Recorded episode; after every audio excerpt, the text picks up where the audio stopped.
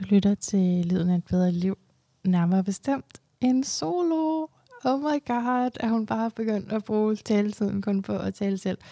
Ja, nej, altså det her er tredje solo inden for kort tid, og det har vist sig at nu, at det er faktisk en lille serie. Det vidste jeg ikke på forhånd. Så men øh, det er det så, og det her er så sidste del. Så der ligger altså to andre soloer, som det her er en opfølgning, kommentarspor på, noget af den stil. Øh, eller videreudvikling af. Vi får se. Men det er simpelthen fordi, at øh, jeg har fået så fantastisk respons på det, så ja.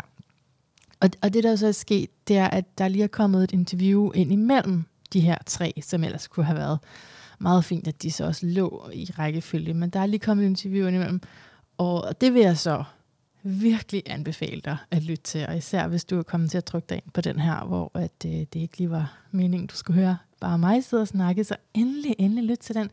Det er med øh, Martin Overup, og øh, ej, jeg, kan, jeg kan virkelig anbefale dig. Det går ikke så tæt på personen Martin Overup, øh, fordi jeg tror energetisk følte jeg ikke, eller var ikke, altså, troede ikke, at jeg havde fået tilladelse til at sådan spørge ind til ham personligt.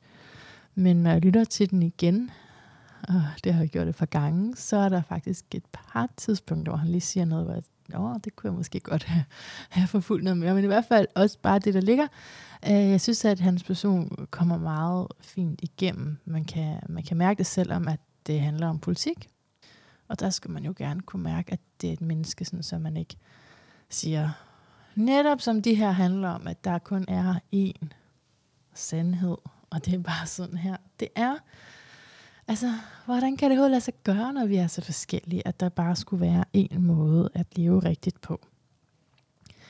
Så de her soloer her handler om religiøse traumer, for at sige det kort. Det er et sted, hvor sådan, ja, jeg tror første rigtige gang, hvor jeg i hvert fald sidder selv og siger, godt være, jeg har sagt det før, ikke? men jeg føler, at det, sådan, det, er nu, det er nu, jeg rigtig siger, hey, det er freaking hårdt at forlade en kirke, og jeg vil godt understrege, at, at det øh, for mig har været en kirke, fordi altså, det lyder måske mere brutalt, når jeg siger en, en religion, eller en sekt, eller en kult, eller hvad jeg kan finde på at sige. Og det vil jeg godt slå det i hardcore med. Altså, det er det, det er, men øh, jeg har også fundet ud af, at folk har en blidere opfattelse af sådan en, en tilforladelig lille folkekirke der. Og ganske rigtigt, så det miljø, jeg har været en del af, jeg har også kommet i en folkekirke, men det var så i den folk, eller sådan ligesom den øh, gruppe, som tilhørte det missionske, hvor man så bare kom i folkekirken også øh, på et tidspunkt. Så, ja, så jeg er rimelig velbevandret i forskellige kirker, og jeg vil ikke mene, at der er nogen af dem, der er tilforladelige. Og når det er sagt, så er det selvfølgelig også vigtigt at pointere, at mm, spiritualitet, åndelighed, den her dybe længsel, vi har i os efter at komme i kontakt med det ukendte, den, altså, den er jeg slet ikke et sekund i tvivl om. Det synes jeg virker fuldstændig ja, som noget, jeg har observeret og er sandt og er rigtigt, at, at vi har den. Og den kan man jo udforske forskellige steder, og kirker er et sted, hvor du kan udforske den. Så der er ikke noget i sig selv forkert, i min, heller ikke min nuværende opfattelse af at gå i kirke, eller dyrke den åndelige søgen, eller den, det behov for en åndelig kontakt til det, der ikke er jordisk i en form for trosamfund.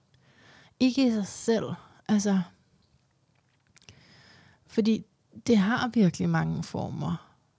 Og, og som sagt, vi er meget forskellige som mennesker, så hvorfor skulle du ikke kunne finde vækst også der?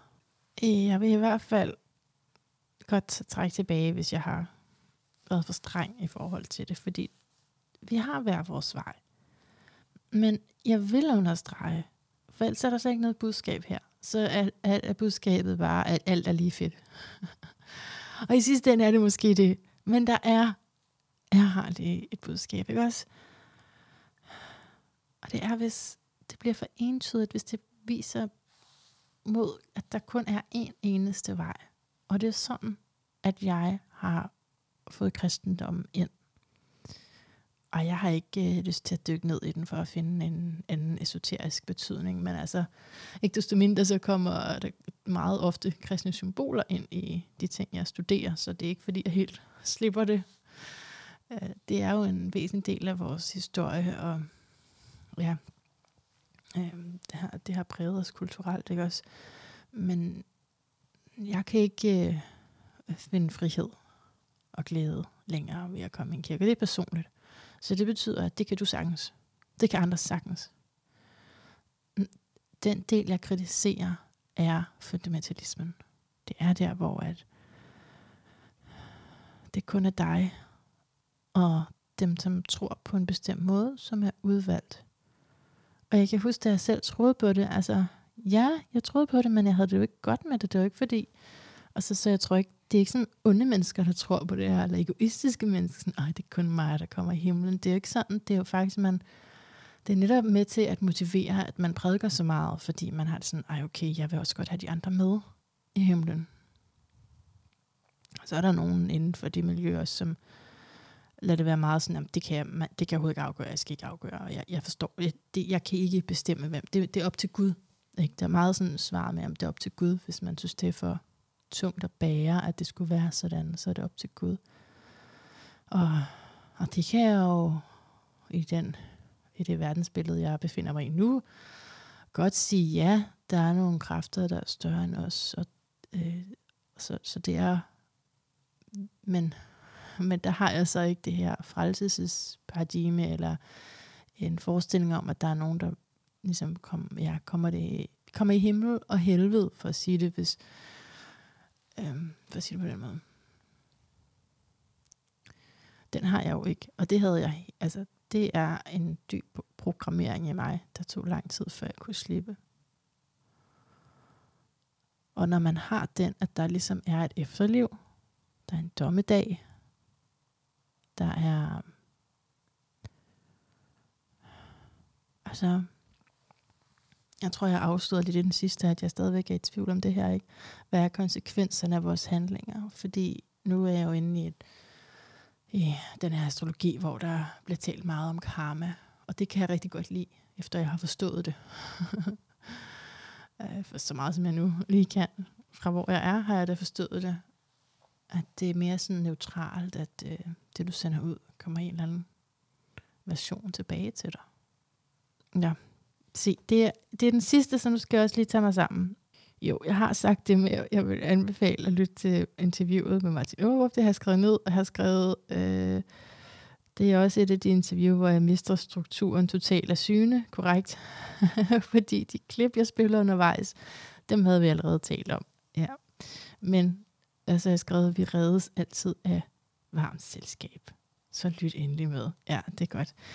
Um, okay, jeg tror, hvad det er, jeg skrive? Jo, det er så de her kommentarer, um, fordi jeg har fået så mange mails, og det er utroligt, fordi jeg, um, jeg plejer ikke, altså jeg har talt faktisk, at jeg har fået 25 mails.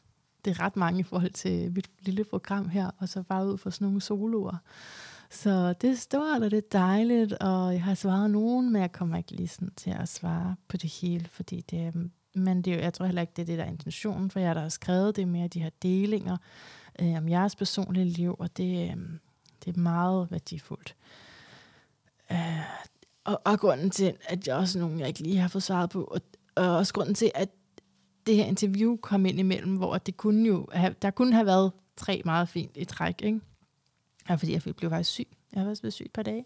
To og en halv dag tog det efter vaccineskuddet. Ja. Jeg var simpelthen så syg. Jeg blev simpelthen så dårlig. Det, det var, jeg fik øh, Moderna, og de fortalte mig også, at det var så åbenbart en ekstra dosis i den der Moderna. Så sagde jeg, hvorfor får jeg det? Er der nogen, vi meget gerne vil af med, eller hvad? Øh, det sagde de bare, det var... Altså, de sagde, det var random. Jeg ved ikke, om de kender hele sandheden. Men altså... Så øhm, i hvert fald, så blev jeg syg og dårlig og drømte om natten, at øh, alle, der kendte mig, døde. Så jeg var sådan rimelig langt ned, men jeg bliver også ynkelig, når jeg er fysisk syg. Meget ynkelig. Så, men øhm, ja, gik et par dage, og nu har jeg det bare rigtig godt igen, og der kommer et en interview til dig øh, den her weekend også. Så jeg vil bare lige nå at udgive en, ja, sådan en afrunding på de her religiøse traumer, fordi det skal ikke blive ved. Fordi det er fint nok, at der er en vrede og sådan, ikke? men jeg, jeg har også så meget andet, jeg skal, end at, end at gå op i det. Og jeg har netop brug for det perspektiv med, at jamen, det, det kan ske i alle mulige formater, at vi finder ind til, hvem vi er. Så, så jeg vil ikke gå for meget ind i den historie, definere mig selv for meget, efter at begrænse mig selv i at sige, at jeg er sådan en, der er gået en religion. Men samtidig så er det netop, fordi jeg, jeg ikke kan undslippe historien, endnu i hvert fald, at jeg synes, der er behov for at tale om det. Og jeg kan jo så mærke, at mange af jer, der er med mig, øh, har tilsvarende erfaringer, og det er interessant. Så det, jeg egentlig primært lige vil øh, slutte af med at sige noget om, øh, det er den her ensomhed, fordi i flere af mailsene får jeg tilbud om at mødes. Og det gør mig rigtig glad. Og det er også lidt hmm, sjovt, underligt måske, at tale sådan her offentligt i hvert fald, hvis man lytter med, så er det offentligt, øh, om ensomhed. Ikke? Det er sådan ud til alle med noget om, at man er ene. Det, det er lidt sjovt. Så det er klart, at det godt kan give den effekt, at dem, der lytter med, tænker, hey, hun skal da ikke føle sig alene. Skal vi ikke invitere hende hjem? Og så er det ligesom sådan. Og øh, grunden til, at jeg ikke kan sige, ej ja, tusind tak til de invitationer, der er kommet, det er der to grunde til. Lad mig prøve at se, om jeg kan øh, få det her ud, som jeg gerne vil have det ud. Det handler om, at jeg skal faktisk til at være mere selektiv i mine venskaber, og det er jo lidt kontraintuitivt, fordi hvis du står og mangler venner, er det så ikke, fordi du skal åbne op og måske øh, være mindre kredsen, eller sådan. Som udgangspunkt, hvis du er fisk, ikke? eller har fiske energi, og jeg snakker vi altså astrologi, det du er stadigvæk et menneske, men tegn fisk, så er dit problem formentlig ikke, at du har været for lukket. Det ligger normalt ikke til fisken at være særlig lukket. Nej, altså det der kan opløse ensomhed, generelt vil jeg mene, er, at du finder nogen, du dybt connecter med, du kan forbinde dig med på en, ja, en dyb måde. Og jeg har, det har jeg prøvet på igennem årene rigtig meget. Jeg har også gjort rigtig mange krumspring for at finde nye venner og ja, starte forskellige ting op, der kunne give den og kunne tilfredsstille det behov i mig. Men når jeg ser på det, så har min fejl helt sådan konstant, konsekvent været, at jeg har været for eftergivende. Som i, jeg kan godt se, at du og jeg har ingenting til fælles. Som i ingenting. Men det er inspirerende. Og, og sådan har jeg det sådan, at jeg er bare menneskeligt indstillet. Ikke? Og det er jo rigtig godt til interview. Men det er faktisk ikke godt til de her mm, hjertevenskaber fordi der er nødt til at være en anden form for personlig interesse i den anden. Ikke? Så det er ikke nok, at jeg synes, det er inspirerende. Men det er faktisk det, altså, det er faktisk det, der har styret mig. og, og det er fedt. Altså, det er dejligt at lade sig styre af, ej, jeg bliver inspireret, og det er dejligt at kunne se det bedste i alle mennesker og bare sådan, ej, ej, hvor spændende, og det vil jeg gerne lære noget, ej, sig noget mere om det der tekniske, jeg overhovedet ikke forstår. Men det er ikke en kvalitet, eller det er ikke, sådan, det er ikke godt til venskaber, er min erfaring. Det, altså, det kan være, du har en anden erfaring, men hvis, du, hvis der vidderligt ikke er noget til fælles, altså, så er det faktisk urealistisk. Og det ligger også til fisken at kunne være en lille bitte smule urealistisk. Ja. Men altså, så jeg godt sige tak for de tilbud, jeg har fået, men altså, jeg er i den situation, og den situation, jeg, jeg gerne vil øh, kaste lys på her igennem de her mine episoder, det er der, hvor du skal ud og basically finde en ny familie, finde din selvvalgte familie, og altså din, finde din nærmeste. Og jeg taler om det her, fordi det er min commitment, altså min vision, og det har, det har længe været min opgave, synes jeg. Det, jeg har lovet mig selv, at det er det, jeg vil. At fortælle om det, der er svært. Og selvom det er tabuiseret og ømt og porøst. Om, altså det er da det, der får mig til at føle mig særligt sårbar. Det lige nu. Altså, og i alle årene uden for kirken, det har det været det, øh, at altså, hver gang der har været en eller anden sådan lejlighedsdag eller noget, så er der ikke lige nogen given at tage med, eller eller henvende sig til, og det at kunne komme til, at, at jeg netop henvender mig til nogen, som har været ret nye for mig, øhm, altså med sådan personlige ting, det, det kan også få en til at føle sådan et akavet, hvis de ikke lige havde tænkt, at det var passende. Øhm, og, og når jeg så siger nej til, til dem, som har skrevet det her, så er det ikke fordi, at øhm, jeg er bare sådan sorterer i mennesker eller, eller andet. Jeg tror heller ikke, det er et match for jer, der har skrevet. Det jeg konkluderer, ikke? Det jeg konkluderer på de her oplevelser igennem så mange år og prøve at danne nye venskaber, det er, at hvis det er op ad bakke, hvis det på en eller anden måde bliver presset igennem, så skal det ikke være. Og sådan har det været med, altså, jeg har, jeg har stødt på meget sammentømrede vennegrupper. Altså sådan mennesker, som er, er sådan lukket om sig selv, hvor man kan godt lige komme hen og sige et eller andet sjovt, ikke? men så skal man gå igen. eller familier, hvor der har været meget stærke traditioner, og man kan måske godt få lov til lige at sidde ved med, med ved bordet, og måske kan du også blive inviteret igen og igen, men der er stadig, og det er på en eller anden måde ikke helt fedt, fordi det er ligesom deres traditioner, og så er der dig, ikke? Altså, det, det var sådan, nej, øh, eller så har det jo også været min, jeg har jo vildt mange interesser, så jeg har også kigget efter venner i interessegrupper. Og der er jeg også tænkt på folk, som, jamen det kan være, at de bare ikke har tid, eller de, de er ikke fokuseret på venskaber lige, eller de har nok i deres ægteskab, hvad ved jeg. Men altså, at det har været op ad bakke. Og det er samme energi, jeg får, når jeg får sådan nogle mails, hvor at fordi man har hørt mig sige, at jeg var ensom, um, vil du så ikke øh, med til det her, eller jeg er også ensom, skal vi ikke? Um, altså, jeg vil ikke øh, lukke muligheden totalt, vel? Jeg har, det er bare den energi, jeg har fået efter de her øh, fine mails, så kan jeg mærke, nej, det, det er ikke det, fordi det kommer ikke til at holde. Det kommer til at være et møde, og øh, det er fint nok, men det er ikke... Øh, jeg er der, hvor jeg har lukket ned for kampen. Og jeg overgiver mig til det ubehag, der er. Det er egentlig derfor, jeg startede med at nævne ensomheden. Det er for at tillade det ubehag, der er ved den. Og også for at sende, at det faktisk også var et ubehag, der var, mens jeg var i kirken. Jeg var bare dybt distraheret fra det, fordi der var så meget frivilligt arbejde, der var så meget funk, der var så meget mission, der var så meget sag at gå op i, så meget ild. Jeg siger da, jeg var on fire. og, øh, der var masser af mennesker henvendt sig til hele tiden, så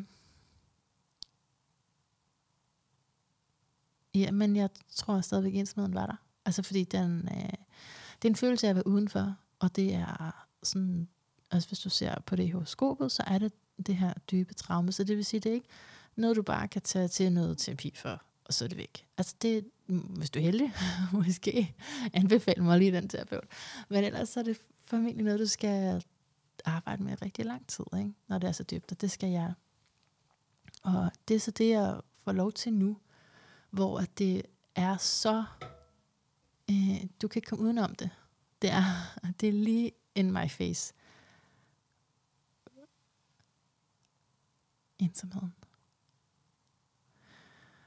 Det gode er, hvis vi skal se på det gode, det gode er, at jeg kan godt lide også at være alene.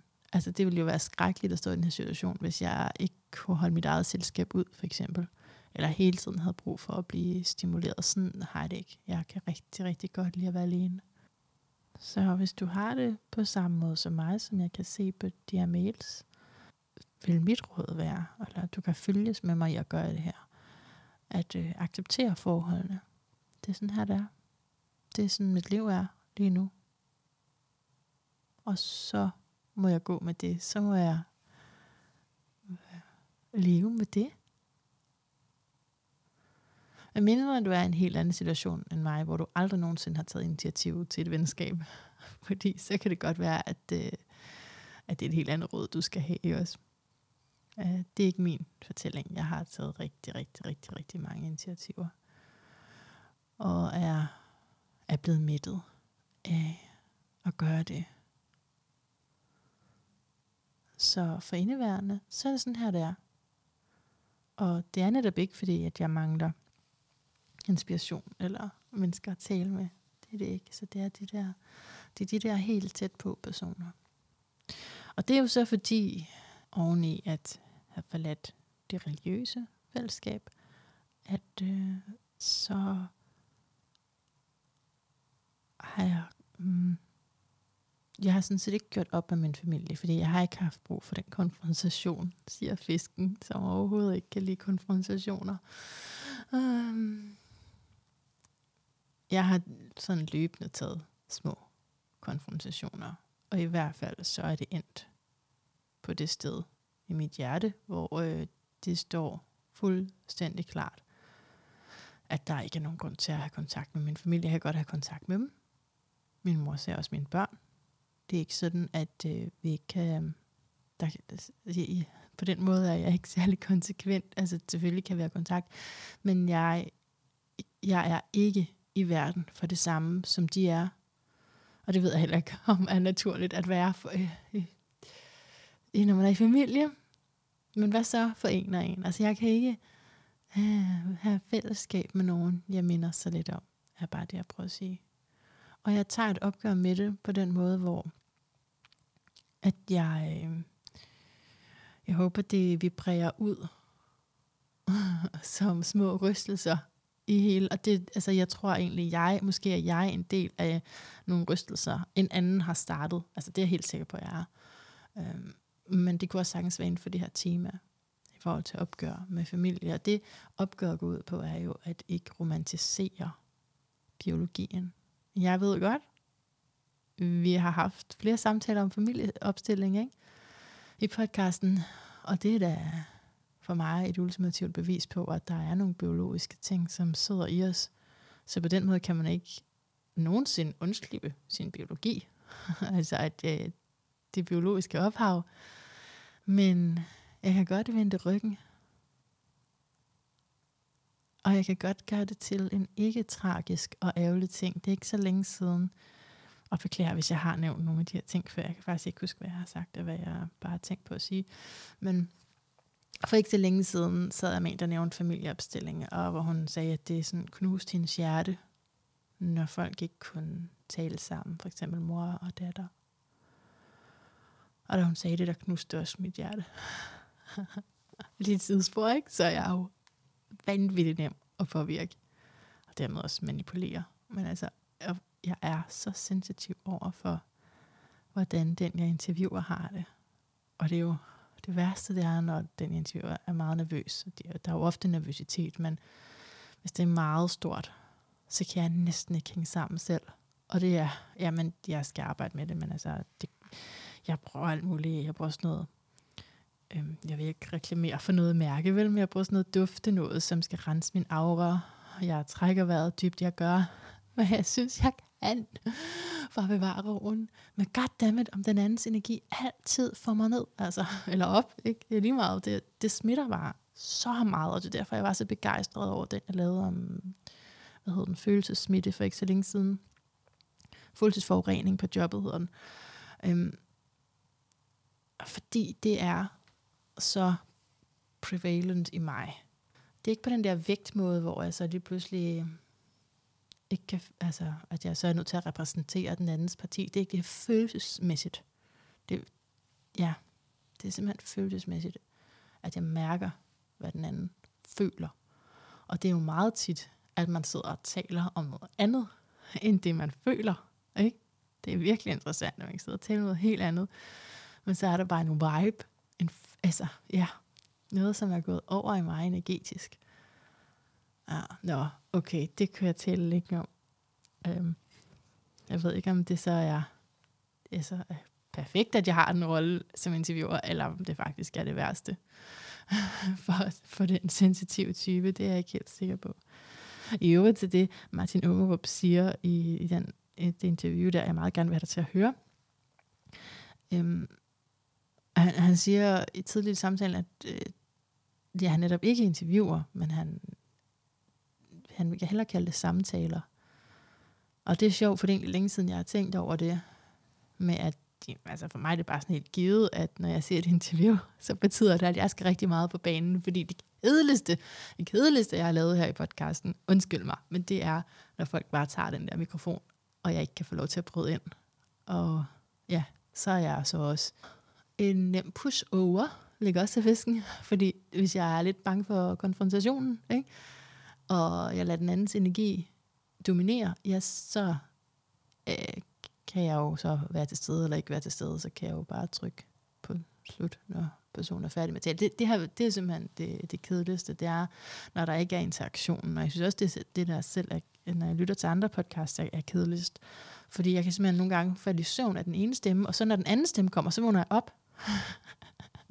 så der, altså, dynamik giver os meget, meget mening for mig. Både når jeg skal koncentrere mig live og snakke med nogen, og når jeg selv skal lytte efter. Okay, jeg skal på en eller anden måde tilbage på sporet.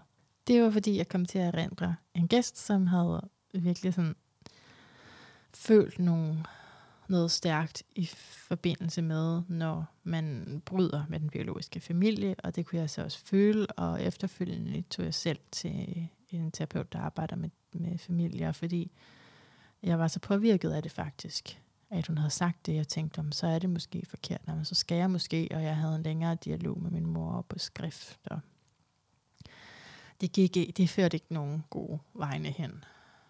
Det var sådan gamle mønstre, der blev klæret af der. Og så, og så var jeg også simpelthen så privilegeret at få en session ved, ved den terapeut, som sagde, at, øh, og sådan så hun ikke på det.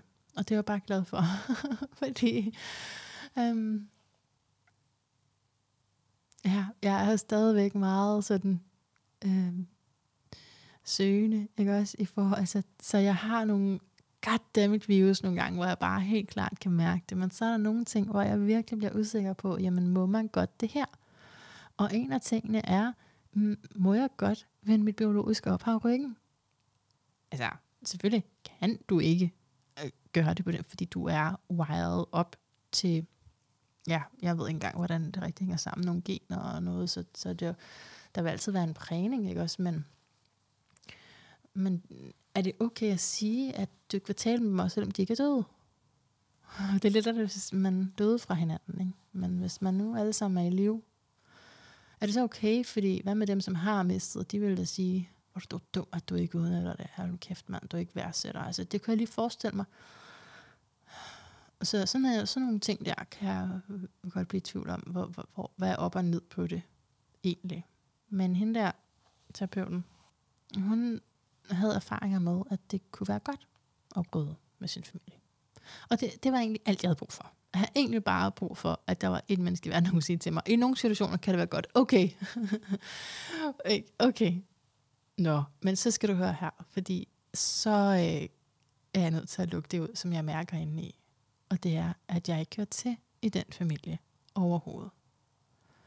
At det også for flere år siden var sådan, at jeg kæmpede med det. Prøvede at få os til at mødes og få os til at være mere, end vi var sammen. Og, og vi er blevet splittet som ad i atomer. Altså, øh. Det, der så lige skete der, mens jeg var ved at fortælle om mit familieløse liv, øh, at så kommer min eksmand ind eller han ringede på, ikke? Selvfølgelig. Um, og det er jo den familie, jeg har nu. Det er mine børn og deres far, som øh, jeg jo altså... Ja, det er jo... Var det 10 år siden, vi blev skilt nu? 11 år siden? Ja, 11 år siden, vi blev skilt. Øhm, og øh, ja, vi har heldigvis et rigtig godt samarbejde.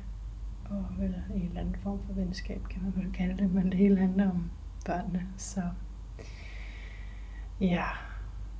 Øhm. Jeg var ved at sige noget om øh, min barndomsfamilie, men altså, så... Øhm, jo, altså det er fordi, når jeg synes, det er vigtigt at tale højt om, så er det ikke fordi, at det er den her enkeltstående situation, og, og jeg gerne vil have nogen til at tænke, om de vil være venner med mig. Det, that's not the case. Altså, øh, som sagt har jeg været rigtig opsøgende omkring netop det, og det har jeg så været i en periode, og nu har jeg en periode, hvor jeg siger, mm, jeg lader det mere være op til ja, synkronicitet, og øh, jeg overgiver mig egentlig til, hvad der er lige nu, men uanset det, så vil det aldrig være med det formål, at jeg sidder her og fortæller noget. Fordi det ønsket er jo at vise, hvad det kunne repræsentere os for vores tid. Og jeg har da hørt om ganske mange andre, som laver det her brud. Og som siger, nej, jeg, jeg, jeg vil ikke gå med på det ideal om, at familie frem for alt. Det kan jo være, at det sådan, det føles for dig, og så er det jo godt og rigtigt for dig. Men det er bare, øh, vi er nogen, som, øh, hvor det ikke fungerer sådan. Og det kan være, der er noget andet i dit liv, som ligesom skiller sig ud fra normen. Og så er det jo vigtigt, at det får lov til at være der, forstår du? Og så for mig er det blandt andet det her med familie, at jeg har taget altså stilling til, at der er ikke noget med, at vi kan snakke sammen eller et eller andet, men jeg vil ikke med til flere fester. Oh, altså, og jeg føler, det er sådan en kærlighedserklæring og en tjeneste og for mig selv at love mig selv det. Jeg har, oh, og det er ikke kun med familie, det har også været med ja, selvvalgt familie, eller altså dem, jeg har betragtet som mine venner, har jeg taget med til alt muligt, synes jeg, traditionelle bryllups, dåbs, fester. Og det gør man vel, det gør man vel, men hvorfor skal man gøre det, hvis man ikke har et, hvad hedder sådan noget, et høstrå lyst i sig? Jeg ved ikke, det hedder, et sandkorn, lyst. det er sådan det minimumste lyst overhovedet i sig til at gøre det. Hvorfor skal man så gøre det? Altså det er det opgør, jeg gerne vil tage nu, at kunne vi være lidt mere autentisk sammen? Og kan vi få lov til at være den vi er, der er også var andre ting, som, ind, som inviterer til mange af de her traditionelle fødselsdagsfester osv. Det kan være, at den person, der har noget, hun ikke rigtig magter, som jeg beder hende om. Men så er det jo det, man skal sige fra overfor. Det synes jeg. Ikke? Hvorfor? Også fordi, det er jo ikke sådan selve konceptet, jeg notorisk har modstand på, men det er jo fordi, man ofte, nej altså hver gang, hver eneste gang, jeg har været sådan noget, bliver tvunget ind i en setting, hvor jeg, jeg ikke kan ånde frit. Jeg kan ikke bare, altså, der er alle mulige rammer, og så skal man sidde ved sådan nogen, som man altså, ikke har nogen som helst interesse i. Jeg er færdig med at spille mit liv på den måde. Og det er, det er en ting at sige, at jeg som udgangspunkt nej tak til dine invitationer til flere fester. Det er jo faktisk en fordel ved, at jeg kan have så mange tæt på. Der er ikke så mange, der inviterer mig, men der er også noget familie indimellem, der gør. Og, og så siger jeg nej til det, fordi den anden ting er, at, som er vildere, ikke? det er at ultimativt have accepteret, jamen, vi kommer ikke til at være på bølgelængde.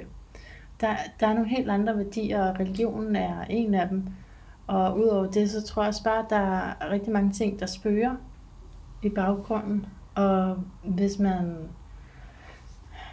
Hvis det var sådan virkelig ideelt, ikke?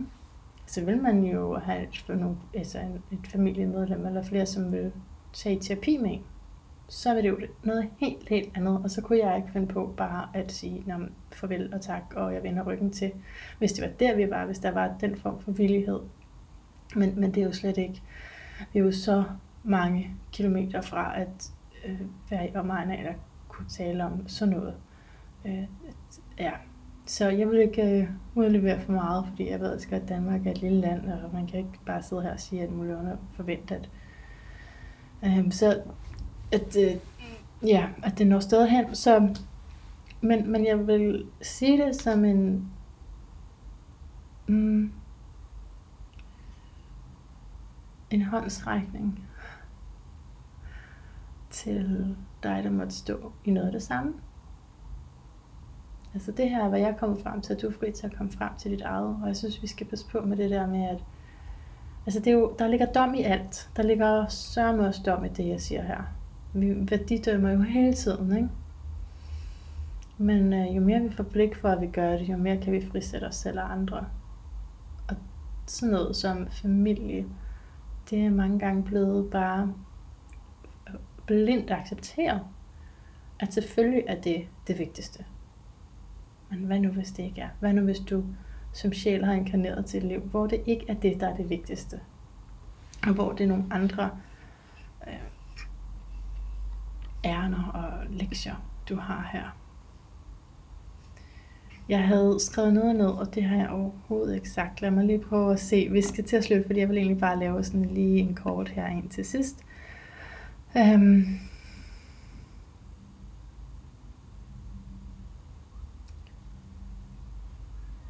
jo mere du bliver ven med dig selv, jo mere vil du støde på venskaber, der matcher dig. Yes. Øh. jo. Jo, det sidste her, jeg vil sige er, hmm. Skal lige have en hånd på hjertet. Ah. Jo.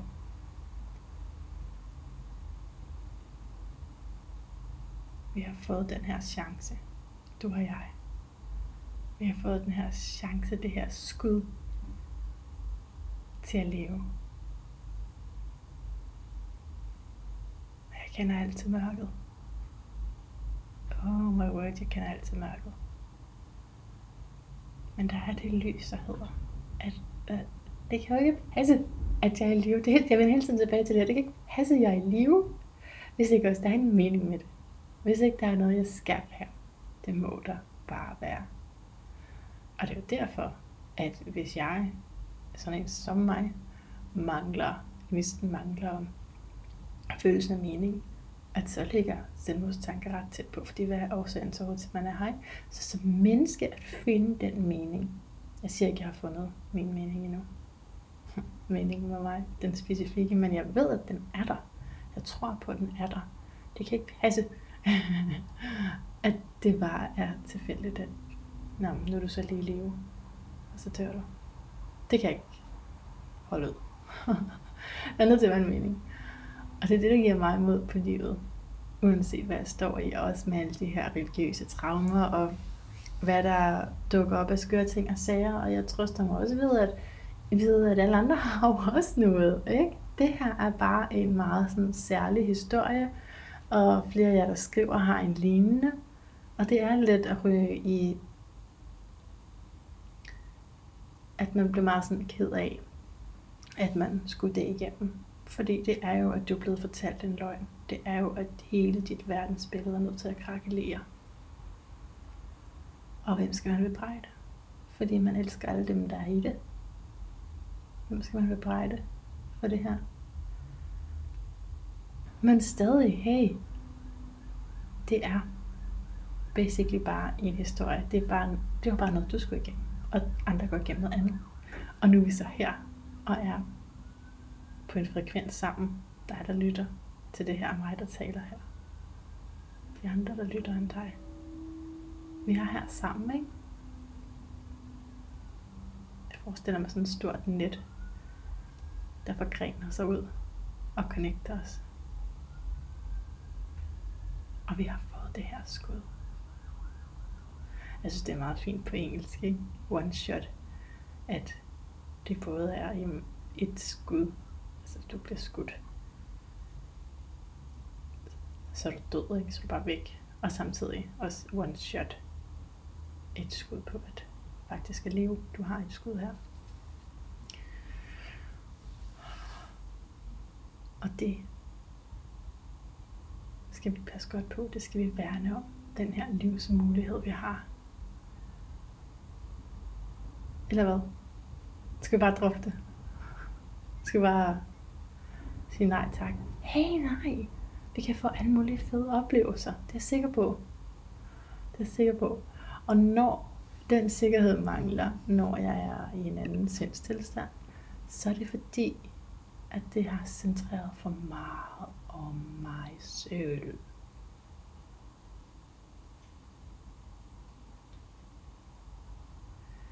Og på sin vis, så vil en religiøse traumer jo netop være lidt bange for at gå ind i noget, der er alt for egoistisk. Ikke? Men øh, det her uselviske, der er i kirken, og som du måske har taget med dig ud, eller det uselviske, du bare er blevet programmeret ind i, at du, du ikke må gøre noget godt for dig selv, hvis du har haft sådan en opdragelse for eksempel. Det er jo enormt egoistisk, fordi det er, der er rigtig mange, meget fokus på dig. Du får hovedrollen, så når vi taler om at udnytte sin livsmulighed, så taler jeg også om at få fokus over på det, du vil bidrage med. Og det, som, som tænder dig, fordi det er dit bidrag. Men det er fokus på det at bidrage med det. Og ikke for meget på alt muligt andet. Og det siger jeg samme til mig selv, det her også. Ah, så mange følelser og tanker om, hvordan de andre nu udtager det ene og det andet. Det er bare spænd, det er bare distraktion. Så for at slutte den her lille serie af, så vil jeg godt udfordre os begge to, dig og mig, til at øh, mærke ind i, hvorfor er det, vi virkelig er her. Hvad er det, der er dit bidrag, din service, det du har lyst til at dele ud til verden? Jeg har samme været også i en tilstand, hvor jeg ikke har haft noget. Så det kan jeg sagtens acceptere, hvis du siger, at der er ikke noget. Jeg har bare lyst til at ligge under dynen og lave ingenting. Og så er det jo sådan der. I en periode. Indtil du bliver mindet om, at du kun har det her liv. Du har det her skud. Og det er nødt til at være nu. Og du kan være med til at ændre noget. Det kan du virkelig.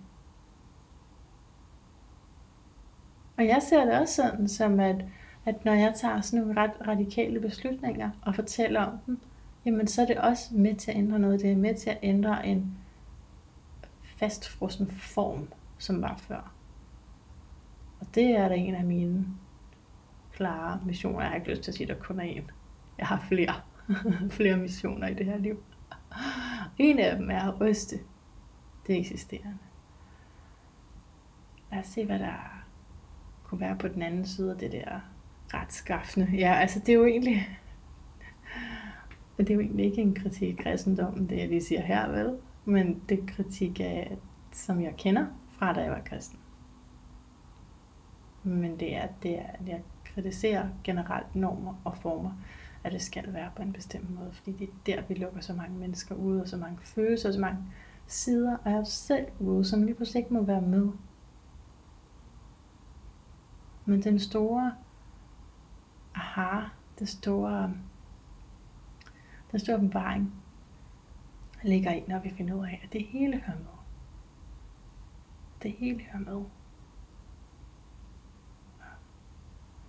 Hører til og gerne må tage sin plads. Det er problemet, hvis det er, at det ikke får sin plads, så kommer det ud på en meget uhensigtsmæssig måde. Ikke? Så på et eller andet tidspunkt, så rejser du dig op, og så siger du, okay, Okay, altså, jeg har kun det skud, siger du? Ja, det har du, fordi selvom jeg tror på flere liv, det er jo kun nu, du har den her personlighed, det får du aldrig igen. Du, du har kun nu.